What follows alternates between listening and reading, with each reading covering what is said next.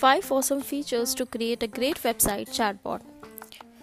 Chatbots can answer 80% of typical questions.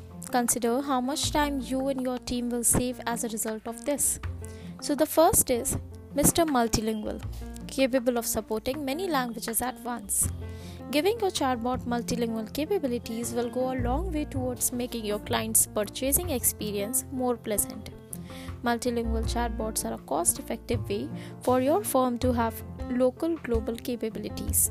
Without the need for specific websites or a database for other languages, your company can still grow to a global level while remaining relevantly local.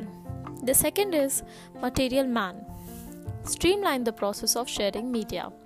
No chat support is complete without the sharing of critical information.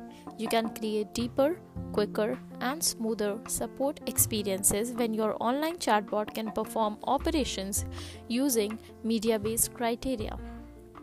The third is real time reality exams. Pay attention to how you connect with others and how well you do. Chatbots powered by artificial intelligence are still in their early stages of development.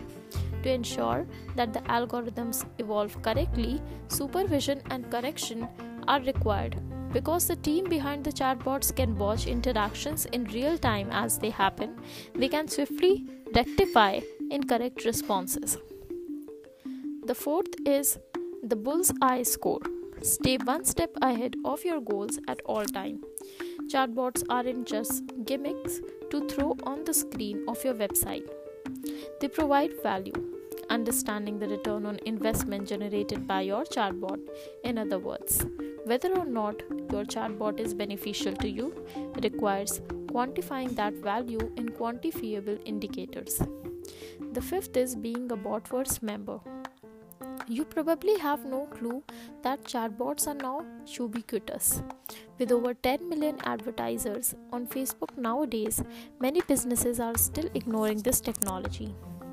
When AI and chatbots are coupled, the result is a powerful data collection tool that may help any organization reach new sales and success levels.